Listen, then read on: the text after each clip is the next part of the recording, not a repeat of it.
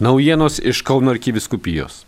Vasario 17-ąją Kauno arkivyskupo metropolito Kestučio Kėvalo pakviesta Kauno bažnyčia bei visi jos svečiai dėkojo Dievui už savo šiandieninį ganytoją bei sveikino jį 50 metų jubiliejaus proga. Dėkoju, kad esate drauge per mano gyvenimo jubiliejų. Esu vargšas žmogus, tačiau viešpats pakvietęs į šias pareigas lydi jūsų paramos dėka, palaikymu ir bendrystė. Tad aukoju šias šventasias mišes ir už jūs visus, už jūsų gyvenimą, šeimas, kad viešpats laimintų, įkvėptų ir savo malonę remtų. Sakė arkiviskupas Kesutis Kievalas padėkos mišiuose Kauno arkikatedroje bazilikoje šio ketvirtadienio vidurdienį. Ganytojas nuoširdžiai pasveikino čia dalyvavusią savo mamą, taip pat kardinolas Sigita Tamkevičių bei apaštališką nuncijų ir kyvyskupą Petrą Antuną Raičių, brolius vyskupus iš įvairių Lietuvos viskupijų bei kunigus, diakonus, ortodoksų bažnyčios atstovą, silovados bendradarbius bei savanorius, miesto valdžios ir visuomenės atstovus, aukštųjų mokyklų rektorius.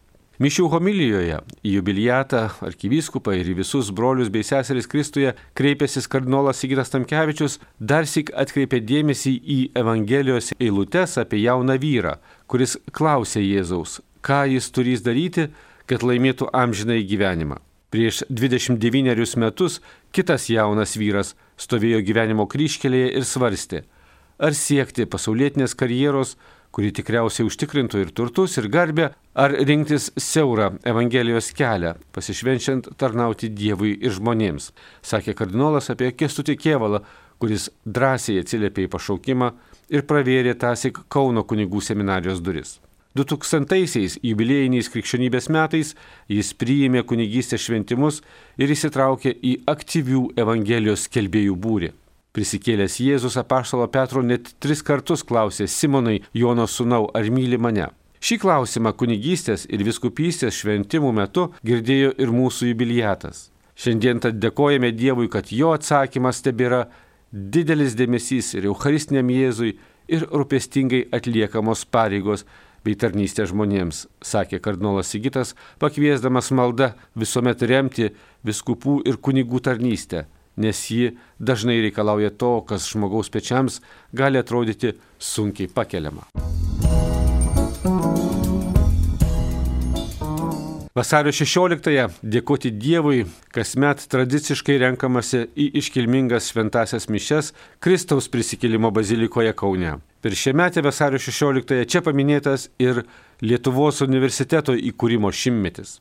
Vytauto didžiojo universiteto katalikų teologijos fakulteto dekano Diekono Benaulevičiaus paskelbta Mišių Evangelija tądien bylojo apie išgydymo stebuklą. Jėzaus paliestas neregys visiškai praregi. Šios Evangelijos eilutės taikliai nusako ir vasario 16-osios esmę. Atkūrę savo valstybę pradėjome gyventi visiškai naujoje kokybėje, kur išpildėme pašaukimą gyventi laisvėje.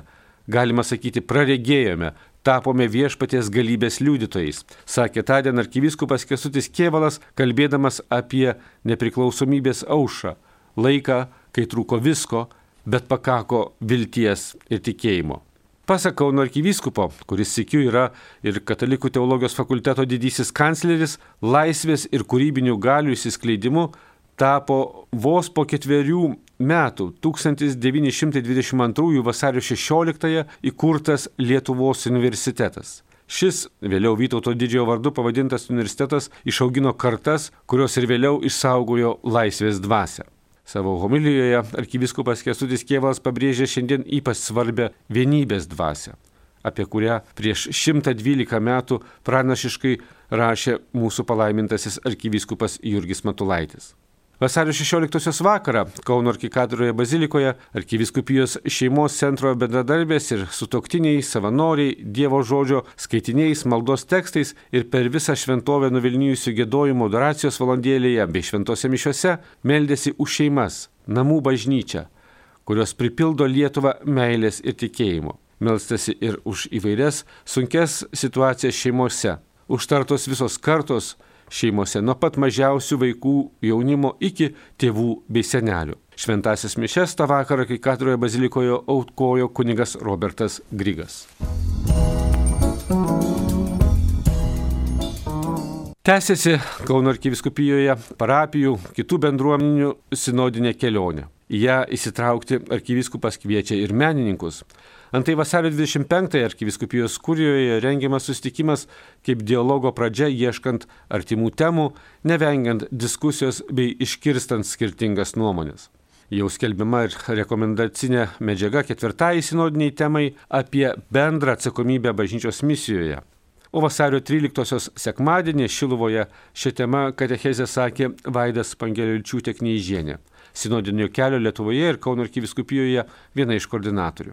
Pasak Vaidos, visi pakrikštytieji, tame tarpe ir pasauliečiai, yra pašaukti dalyvauti bažnyčios misijoje, matyti esamą situaciją, nenutylėti, būti vilties misionieriais ir keisti blogį gerumu, kaip jau anksčiau yra išvelgęs ir kvietęs mūsų palaimintasis Jurgis Matulaitis. Katechezėje sėkiu pabrėžta, jog ši misija kyla iš meilės. Būdami patys Kristaus pamilti, patyrę šią meilę, tik tuomet galime dalytis ją su kitais, burtis į bendruomenės, kalbėtis, bendrauti, dialogas, kalbėjimasis yra tarnavimas ir bažnyčios bruožai.